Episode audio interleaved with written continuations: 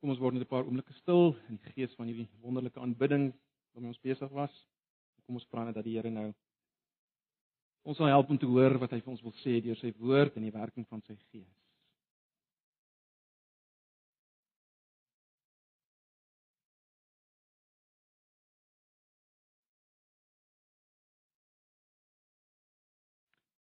Here Jesus, U is waarlik waardig.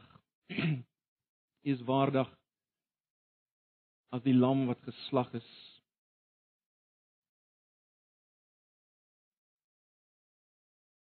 in ons plek vir ons oortreding en sonde. U is waardig as die een wat opgestaan het en nou sit aan die regterhand van die Vader, die een met alle uitvoerende mag in die heelal, koning van alle konings, die Here van alle Here. U is waardig, Here, om al die lof vanoggend te ontvang. En ons is hier vanoggend om om U te aanbid en U groot te maak as die opgestane Here Jesus.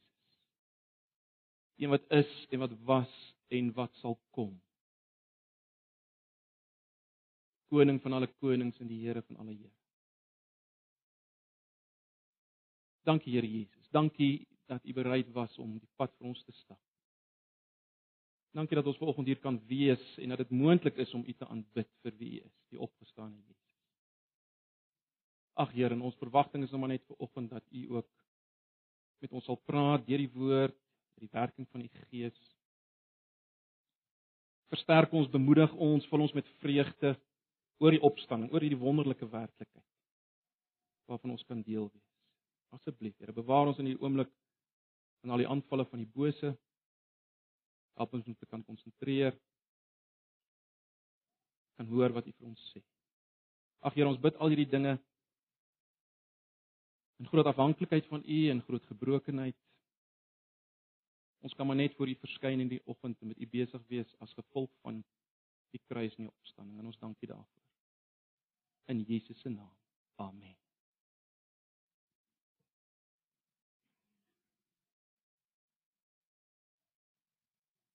Ja, broers en susters, ons is vanoggend hier uh om te dink aan die opstanding. Om te praat oor die opstanding. Uh en daarom weet ek julle verwag eintlik uh volgende dat dat ons sal sê Jesus het opgestaan, né? Nee, dit is tog net logies. Ons moet volgens mekaar sê Jesus het opgestaan. En ek dink ook dat julle verwag dat iewers in my preek gaan ek ook sê ons gaan opstaan. Ek en jy as kinders van die Here gaan ook opstaan. Maar ek dink tog dis juis hier uh, en ek ek dink nie ek is verkeerd as ek dit sê nie. Ek dink is juis hier waar ons ons het, ons tog sukkel om dit werklik te vat. Die feit dat ook ons gaan opstaan. Dis wat ons dis waar ons sukkel. Gaan ons werklik opstaan? Ja, ons weet, ons weet Jesus het opgestaan. Ons glo dit. Uh as jy nie oortuig is van die feit dat Jesus opgestaan het nie, wel dan dan is jy eintlik net nie logies in jou eie denke nie. Uh want ons ons weet byvoorbeeld wat Paulus sê in 1 Korintiërs 15, daai baie bekende gedeelte, as jy wil kan jy dit vanaf weer uh, uh net naslaan 1 Korintiërs 15 van vers 5 tot 8. Ek dink is baie bekend. Uh daar sê Paulus, Paulus die volgende. Julle ken dit, 1 Korintiërs 15 vers 5 tot 8. Paulus sê Jesus het aan Sefas verskyn en daarna aan die 12 Daarna het hy verskyn aan oor die 500 broeders te gelyk waarvan die meeste nog lewe maar sommige al ontslaap het. Daarna het hy verskyn aan Jakobus, daarna aan al die apostels en laaste van almal het hy verskyn ook aan my as die ontydig gebore. Dis wat Paulus sê.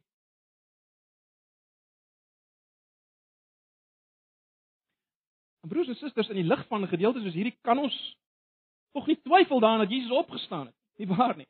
Ek meen Paulus sou net nie oorleef het nie en sy geskrifte sou net nie oorleef het as dit nie die waarheid was nie. Want kyk, jy jy kon tog dan vir mense gaan vra, maar het julle Jesus gesien na sy opstanding? Want Paulus sê die meeste leef nog, jy kan jy kan hulle gaan vra. En as dit nie so was nie, wel Paulus sou net eenvoudig weggeveeg word van die toneel en sy geskrifte sou nie bestaan het tot vandag toe ten minste nie. As dit nie die waarheid was. Daar's geen twyfel dat Jesus opgestaan het nie. 500 ouers ouens het hom te gelyk gesien nadat hy opgestaan het. En Paulus sê baie van hulle leef nog in die tyd waarna hy geskryf het. En en verder meer, broers en susters, dis tog net belaglik om te dink dat ouens bereid sou wees om uh vir leeu's gegooi te word in die arenas om aan die brand gesteek te word. Kort na die opstanding as Jesus nog in die graf was, as sy liggaam nog in die graf was. Wie op aarde sou bereid wees om al hierdie dinge deur te gaan? As Jesus nog in die graf was. So, ek dink julle sal my saamstem, ons kan nie anders as om te glo dat Jesus werklik uit die dood uit opgestaan het nie. En ag, ons kan nou vanoggend nog baie ander uh dinge noem om dit te bevestig, maar ons kan nie aan twyfel nie. Ek ek ek ek dink nie ek is verkeerd as ek sê daar's eintlik meer bewyse vir die feit dat Jesus opgestaan het uh, as as wat daar bewys is vir die feit dat iemand soos Plato geleef het. Daar's meer bewyse daarvoor. Maar nou, Dis nie so maklik om te glo dat ons werklik gaan opstaan.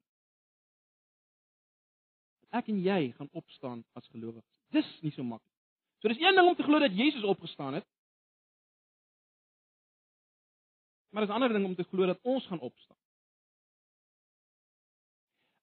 Want sien die probleem is tog niemand anders behalwe Jesus het al opgestaan nie. Hoe kan ons so seker wees dat dat ons dan gaan opstaan?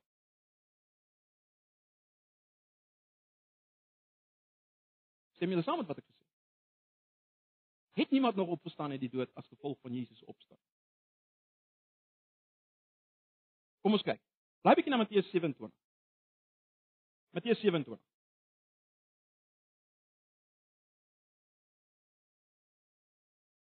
Het niemand nog uit die graf uit lewend opgestaan as gevolg van Jesus opstanding? Dis die vraag. Kom ons kyk na Matteus 27.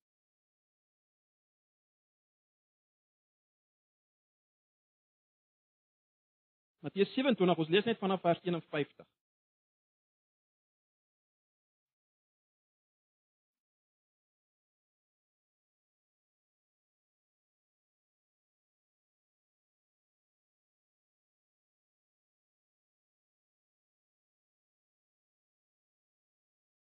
Op daardie oomblik het die voorhangsel van die tempel van bo tot onder middeldeur geskeur. Dis nou nadat Jesus sy hart uitgeroep het en sy laaste asem uitgeblaas het in vers 50. Nou lees ons dit. Lees dit weer. Op daardie oomblik het die voorhangsel van die tempel van bo tot onder middeldeur geskeur. Die aarde het geskit en die rots het uitmekaar gebars. Grafte het oopgegaan en baie gelowiges wat dood was, is opgewek. En hulle het uit hulle grafte uitgegaan. Na Jesus se opstanding het hulle in die heilige stad gekom waar hulle aan baie mense verskyn het. Ek gaan net so ver. Ek gaan net so ver. Dis fascinerend, is dit nie? Fascinerende gedeeltetjie. Die oomblik toe Jesus sterf, toe gebeur die dinge, né? Die voorhangsel van die tempel, die voorhangsel wat vir eeue onverander daar gehang het, skeur van bo tot onder. En die aarde bewe en en rotse skeur en grafte gaan oop. Grafte gaan oop. Nou ons weet uh die grafte in daai tyd was uh basies so in die in die rotse gewees uh met klippe voor. So daai rotse het wegbeweeg en die grafte was oop. Die grafte daar in Jerusalem, die stad van God gaan oop. Dis wat daar staan. En dan sê Matteus baie liggame het opgestaan baie liggame soos die 83 vertaling dit noem van gelowiges. Ehm um, ek wil julle tog net daarop wys want ek ek gaan net nou weer daaroor praat. Uh, vers 52 in die in die in die in die 53 vertaling, die meer letterlike vertaling lees so en die graf het oopgegaan en baie liggame van die ontslape heiliges het opgestaan. Baie liggame van die ontslape heiliges het opgestaan. Maar stel jou voor vir 'n oomblik jy was daar, né? Nee. Uh baie grafte is oop en in sommige grafte is daar net niemand meer. Sien maar jy sou nou daar kon loop op daai stadium. Al die grafte is oop. Maar sommige is leeg. Niemand is meer daar te sien nie. Let op hierdie ontslape heiliges soos die oorspronklik daarvan praat. het opgestaan, maar hulle het nog nie in die stad verskyn. Hulle het nog aan niemand verskyn voordat Jesus opgestaan het. sien julle dit? Hulle is uit die grafte uit, maar hulle het nog aan niemand verskyn voordat Jesus opgestaan het nie. Van Vrydag tot Sondag was hulle nie meer in die grafte nie. Nou dis moeilik om te om af te lei presies waar hulle was. Sal nie weet nie. Maar hulle was nog nie, hulle het nog nie in die stad verskyn nie, nog nie aan mense verskyn. En dan na die opstanding, na die opstanding verskyn hulle in die sogenaamde heilige stad, né? Nee. Na die opstanding verskyn hulle in die heilige stad. En let op, het julle gesien wat sê Matteus? Hulle het aan baie verskyn. En en en, en hier is presies dieselfde beginsel aan die werk as wat waarby Paulus was, né? Nee. As Matteus gesê het, hulle het aan baie verskyn en dit was nie so nie, sou Matteus se geskrif afgemaak gewees het as klomp snerp. Vrommel hom op. Wie wil Matteus se evangelie lees? Dis nonsens. Nee, dat baie opgestaan en aan of laat ek so sê, dat, dat baie opgestaan en aan baie mense verskyn. Van die ontslape heiliges het opgestaan en aan baie mense verskyn. Dit het gebeur. Wie was hierdie ontslape heiliges? Wel, ons weet nie presies nie, né? Nee, ons ons ons weet eenvoudig nie presies nie. Uh Dit lyk my almal sou geweet het dat hierdie ouens heiliges is. En daarom kon dit figure uit die Ou Testament gewees. Dit kon Elia en Moses gewees het. Waarskynlik deur deur oorlewering het mense min of meer 'n idee gehad hoe hulle gelyk. Daai tyd was dit 'n ander kultuur, dinge is oorvertel en oorvertel.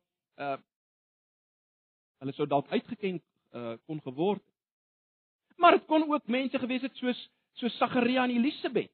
Mense wat in Jesus geglo het uh toe hy op aarde was. En dan word dit kon mense gewees het van van van daai tyd, die tyd waarin Jesus geleef het, wat geglo het in Jesus en van wie almal geweet het hulle glo in Jesus. Dit kon van hulle gewees het wat gesterf het en nou opgestaan en verskyn het aan baie.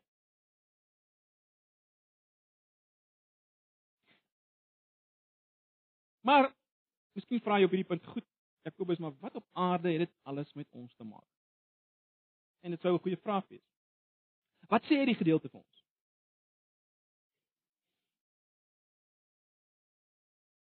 En broers en susters, ek dink as ons werklik uh wil verstaan wat hierdie gedeelte vir ons sê, moet ons vir 'n oomblik net bietjie stil staan by hierdie hele gedagte van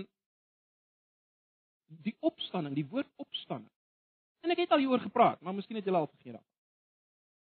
Dit is baie interessant dat die, uh, Matteus en die ander skrywers van die Nuwe Testament gebruik die woord opstanding. Na sy opstanding het hierdie ouens in die stad verskyn. Na sy opstanding. Hoekom sê Matteus nie net nadat hy lewend geword het? Jy het ooit daaroor gedink? Hoe gebruik hulle die term opstanding? Hoekom sê hulle nie net Jesus het lewend geword?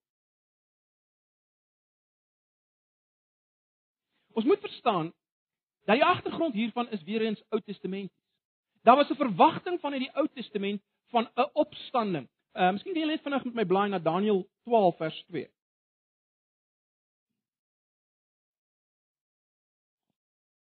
Daniël 12.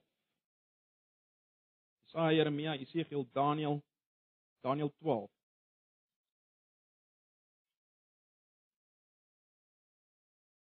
net voor die boek Hosea. Daniël 12 vers 2.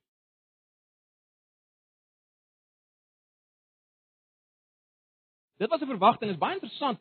Dit het nooit so iets bestaan in die Ou Testament nie. En ewe skielik hier in Daniël se tyd begin hierdie ding baie sterk na vore kom. Kyk na Daniël 12 vers 2.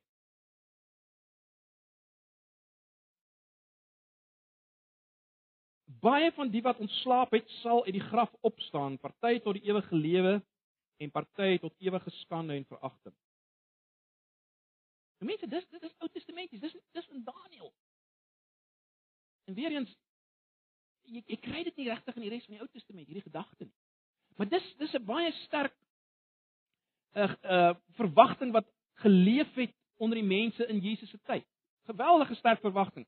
Ehm uh, terloops as Jesus na uh Lazarus se dood met ehm uh, met Martha praat, dan is baie interessant dat sy van selfsprekend die volgende van Lazarus glo.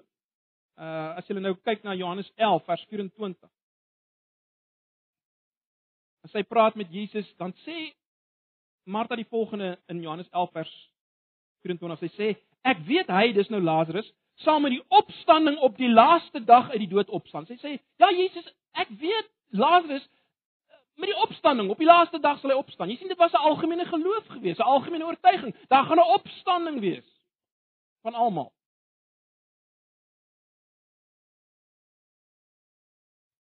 Een algemene opstanding aan die einde.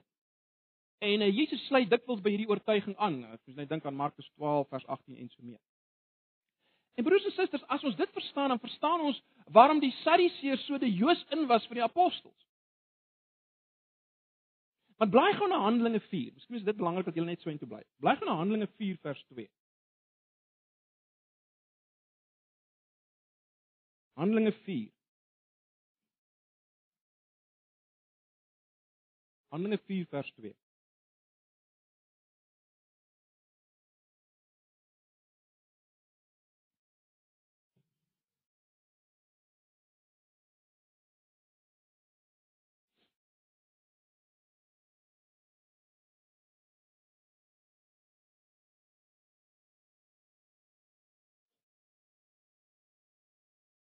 Kom ek lees maar sommer vanaf vers 1. Petrus en Johannes was nog besig uh, om met die mense te praat toe die priesters, die bevelvoerder van die tempelwag en die Sadduseërs op Petrus hulle afstorm. en dan vers 2 van Handelinge 4. Die priesters en die ander was onthuts omdat die apostels die mense geleer en verkondig het dat die opstanding uit die dood deur Jesus se opstanding 'n werklikheid geword het. sien julle dit? Omdat die apostels verkondig het dat die opstanding uit die dode deur Jesus se opstanding 'n werklikheid word. Hoor julle wat hy sê? Wat wat probeer ek sê? Broers en susters, Jesus het nie 'n private opstanding gehad terwyl daar nog 'n eintlike opstanding aan die einde sou wees nie. Jy sien, dit was die verwagting. Onthou nou, dit was die verwagting. Dat daar aan die einde van die tye 'n algemene opstanding sal wees van die soos hulle geglo die regverdige Jode. Nou kom die apostels en sê, "Hey, dit het daar plaasgevind toe Jesus opgestaan het." Jesus het nie maar net so op sy eie opgestaan, hy gaan nog op. Nee nee. Die opstanding, dis wat hulle verkondig het. Dis hoekom die Sadduseërs so woedend was na Handelinge 4 vers 2. Die apostels het gesê daai opstanding het plaasgevind toe Jesus opgestaan het. In ander woorde, die geloof van die apostels was dat die eindopstanding met Jesus se opstanding begin het. Die oortuiging van die apostels was dat die eindopstanding waarvan hierdie ouens oortuig was, dit het begin met Jesus se opstanding. Nou, ek weet, julle sê onmiddellik, "Wow, wow, wow, wow." Hoe hoe werk dit? Probeer so daaraan dink.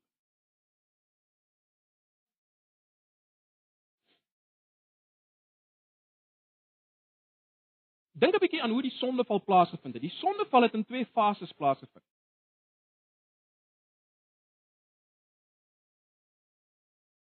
Die Here het gesê die dag as Adam en Eva eet van die vrug sal hulle sekerlik sterf. Ons het baie al daaroor gepraat, ek het die voorbeeld al baie genoem.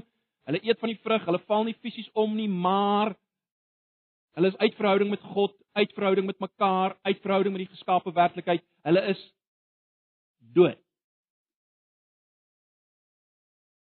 Hulle het nie fisies dadelik omgeval nie, maar na 'n aantal jare het daai selfe mense wat klaar dood is, fisies gesterf. Dit het in twee fases plaasgevind. Nou. Die opstanding vind ook plaas in twee fases. As gevolg van die werk van Jesus aan die kruis kan mense eerstens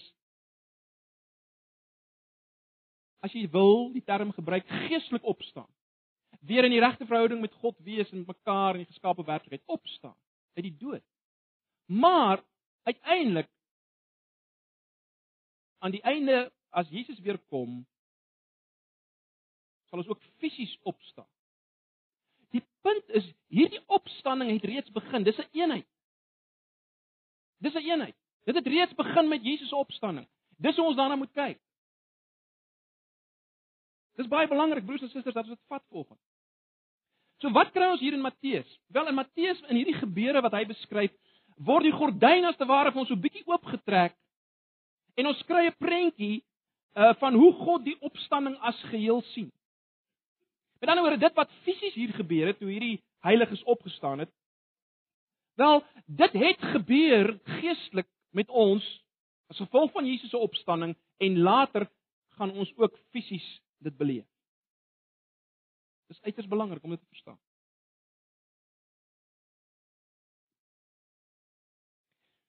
Maar kom ons staan terug en ons ons haal 'n paar belangrike dinge vanoggend uit wat ons hier raak sien. En eerstens wil ek hê ons moet net weer opnuut die ontsaglike belangrikheid van die opstanding raak sien. Ons het nou daaroor gepraat oor oor wat die opstanding werklik behels en beteken, maar ek ek hoop ons ons sien vanoggend hoe belangrik dit is dat ons daaraan vashou. Dat ons nooit die opstanding sal laat gaan nie. En sê ag, dit is nie so belangrik om in die opstanding te glo.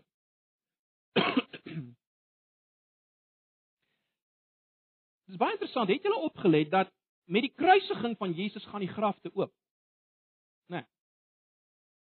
En hierdie mense uh staan op by die graf. Want die die die die werk wat Jesus gedoen het op Golgotha is volkome. Hy het volkome al ons ongeregtigheid gedra, is daar daarvoor veroordeel gekruisig. So hulle staan reeds op met die kruisiging. Maar baie interessant, eers as Jesus opgestaan het,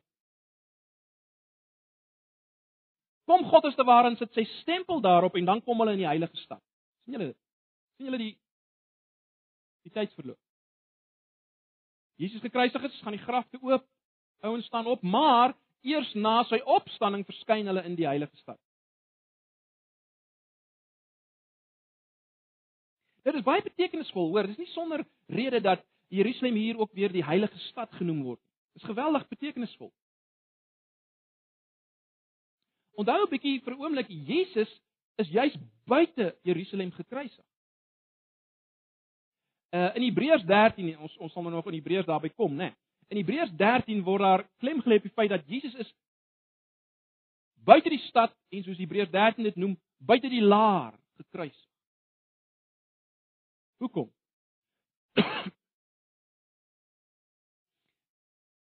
Want die gedagte is sterk ook daar in Hebreërs 13 dat ons, ek en jy, mense in die algemeen bevind hulle self buite die laag.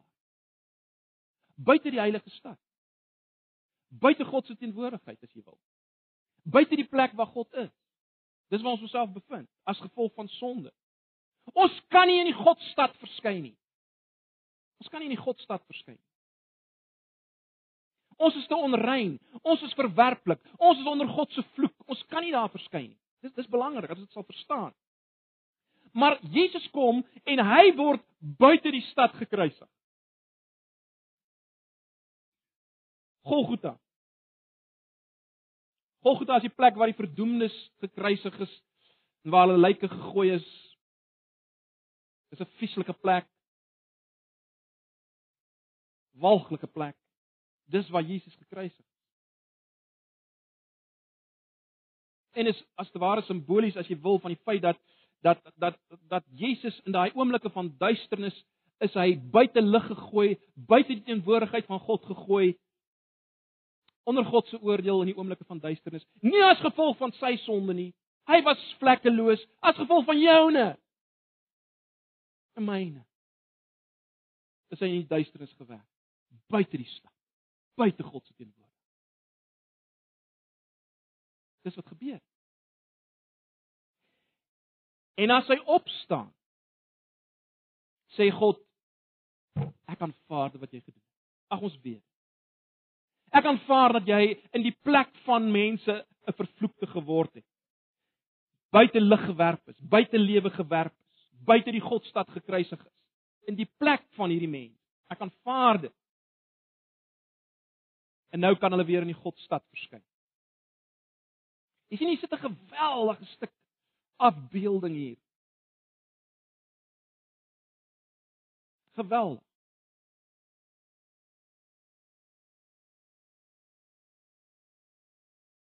Net so seker soos sekere van daai heiliges opgestaan het. En in die Godstad verskyn het, net so seker kan ek en jy as gevolg van Jesus se kruisiging en sy opstaan. Belangrik, as gevolg van sy opstanding kan ons nou in die Godstad verskyn, maar baie belangrik, watter Godstad? Watter Godstad? As jy dit so as jy dit so wil vra. Wel die een waarin die voorhangsel geskeur het. Het julle dit gesien? Vers 51 begin met die voorhangsel van bo tot onder geskeur. Dis in hierdie Godstad waar ek en jy weer kan inkom. Ons kan nou met vrymoedigheid en ons ons het nou so baie daaroor gepraat in Hebreërs, nê. Nee. Uh ons kan nou met vrymoedigheid nie net in die Godstad verskyn nie, maar in God se teenwoordigheid ingaan. Daar waar net een man eenmal 'n een jaar uit een volk voor God kon verskyn, kan ons nou ingaan elke oomblik met vrymoedigheid soos die Hebreërs dit vir ons leer. Dis waar ons kan verskyn, hierdie Godstad. As gevolg van die opstanding. En daarom broers en susters, hou vas aan die opstanding. Moenie dat enige slim teoloog vir jou vertel Jesus is nie regtig opgestaan nie, jy hoef dit ook nie te glo nie. Hy het net geestelik, nee. Jesus het fisies opgestaan. En as gevolg daarvan is hierdie dinge waar van ons en vir ons. 'n Tweede ding wat ons net ook moet aanpas hou is die is die feit dat hierdie mense liggaamlik opgestaan het. Nee, dit is baie duidelik, anders sou hulle tog nie kon verskyn aan baie mense nie. Hulle het liggaamlik opgestaan met liggame. En dis belangrik. Dis belangrik. Want dit wys vir ons broers en susters dat dit wat Jesus gedoen het aan die kruis was effektief. Alles wat skeef geloop het met die sondeval is omgekeer. As mense nie fisies kan opstaan en fisies hier opgestaan het nie, dan is die vraag, was God se werk volkome? Ons weet fisiese dood is eintlik 'n resultate van sonde, nie waar nie? En daarom as hierdie mense fisies opstaan, dan wys dit vir ons dat die mag van sonde is gebreek. Eh, terloops, die, die sonde word uitgebeeld as 'n mag in die Bybel. Dink maar net aan aan Openbaring 6 vers 8 waar uh of eintlik meer die dood as as 'n mag uitgebeeld word. Die dood word daar as 'n as 'n mag uit uitgebeeld, né? Nee, uh wat op 'n perd ry. Maar as mense opstaan is die mag van die dood gebreek. Mag van sonde, maar dan ook die mag van die dood, né? Nee, dis belangrik. As mense fisies opstaan, is die mag van die dood gebreek. Belangrik dat mense fisies opgestaan het. Fisies het hierdie mense verskyn. Waarom is dit nog belangrik? Dis belangrik want dit wys vir ons God het God laat nie vaar die werke van sy hande nie. As God die mens aanvanklik maak fisies, dan sê hy dis goed. En God het nog nooit verander uh, sy opinie verander nie. Dis hoekom hulle weer fisies moet opstaan, fisies lewend gemaak. Hy het nie 'n fout gemaak. So dit is uiters belangrik dat ons daaraan vashou. Die fisiese opstaan.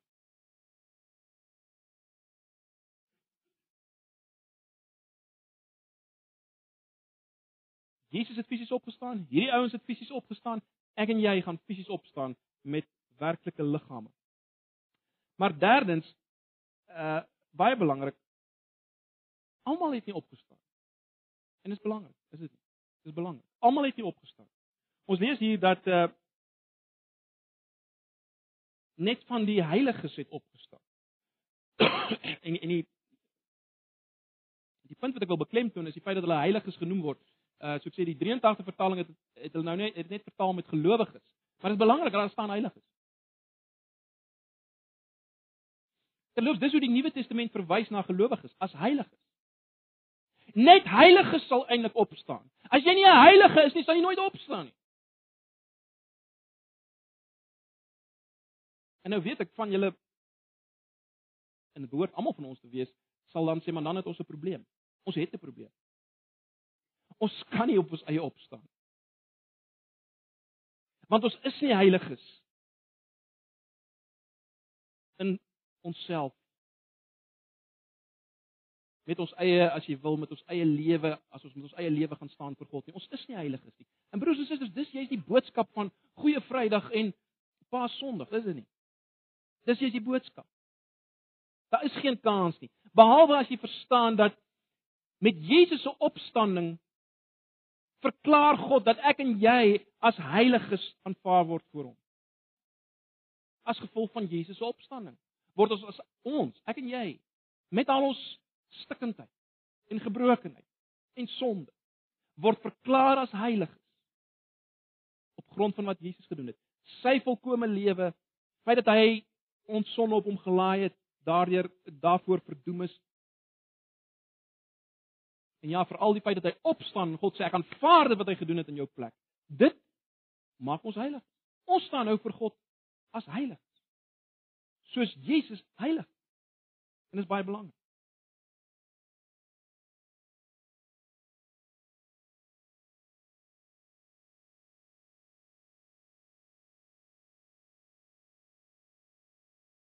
Jy sien broers en susters, die oomblik as ek en jy ons vertroue plaas in Jesus. In daardie oomblik vind die opstanding vir ons plaas.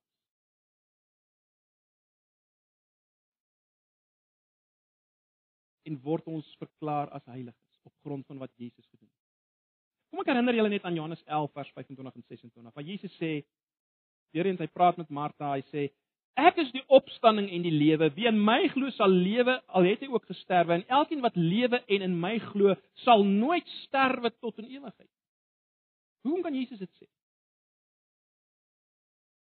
Omdat die wat in hom glo reeds oorgaan van dood na lewe. En daarom die uiteindelike fisiese sterwe is maar net 'n oorgang. Die tweede deel van die een groot geheel. Die opstanding begin reeds met sy opstanding en ek en jy daaraan deel deur die geloof. En dan sal ons finaal op die laaste dag oorgaan van dood na lewe. Finaal. Ag broers en susters. Kom ons hou daaraan vas. Die einde het reeds begin. Onthou nou wat ek gesê het, daar was die verwagting geweest dat daar aan die einde 'n algemene opstanding sal wees. Die Bybel kom, die evangelie evangelies kom, die apostels kom en verkondig dat die einde het aangebreek met Jesus opstaan. Die eindopstanding het daar begin. En ek en jy moet begin om daai perspektief te kry. Dis die werklikheid uit God se perspektief. 'n Nuwe werklikheid het begin. En ons is deel daar, ons is deel daarvan. Ons is deel van hierdie proses wat daar begin het. En sal klaar maak as Jesus weer kom. Maar ons moet so daaraan dink. En daarom is daar twee vrae wat ek en jy onsself vanoggend moet afvra. Punt nommer 1. Het ek deel aan hierdie opstanding deur die geloof? Die geloof waarvan ons nou praat in Hebreërs. Hou ek vas aan Jesus alleen. En dit wat hy gedoen het. Dis die eerste vraag. En die tweede vraag, baie belangrik. As as dit so is, dat ek eintlik al opgestaan het saam met Jesus deur die geloof. Watter tipe lewe behoort ek te lei? Hoe op aarde kan ek nog leef net vir hierdie wêreld? Vir al die aansien van die wêreld, die plesier van die wêreld, en die gemaksig van die wêreld. En al hierdie dinge. Hoe kan ek net daarvoor lewe as dit waar is? As ek reeds deel het aan die opstand. As ek reeds deel het aan hierdie nuwe realiteit. En dis 'n vraag wat ons onsself moet vra. Dis iets waaroor die Nuwe Testament baie uitbrei. Julle het gesterf, julle het opgestaan. Nou in die lig daarvan, maak doodsekere dinge, leef anders. Né? Nee. En ag broers en susters, kom ons herinner onsself vandag weer daaraan. Kom ons vra onsself af, maar as dit so is. Ja, as, ek weet dit is moeilik om dit te vat, maar vat hierdie groter prentjie. Dan vra jy jouself maar hoe behoort my lewe te lyk in die lig daarvan? Waaroor behoort die lewe te draai vir my?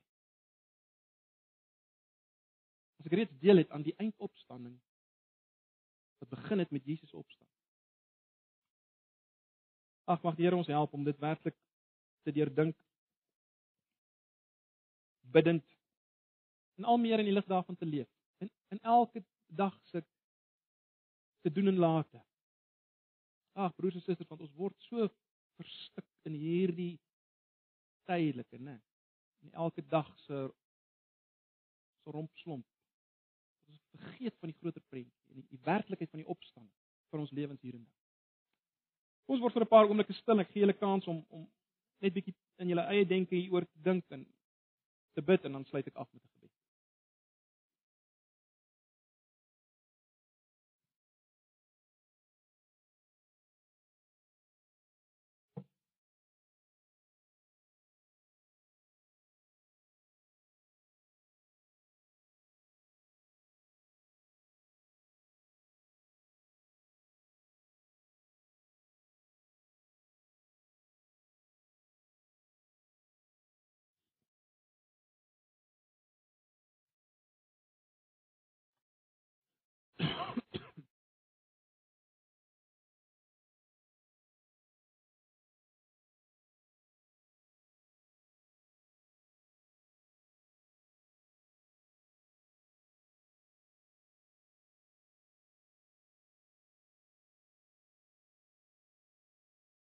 Ag Here Jesus, baie dankie vir u woord.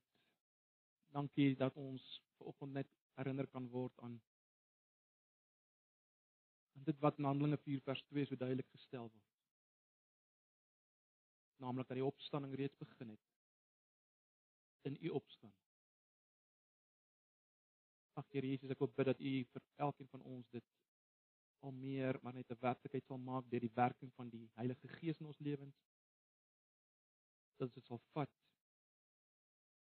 Dat ons te midde van die sigbare rondom ons elke dag sal lewe in die lig van hierdie onsigbare werklikheid, realiteit deur die geloof. Asseblief, help ons daarmee. Om ons swakheid te help. Ons vra dit in Jesus se naam. Amen. Kom ons sluit af met 'n laaste lied.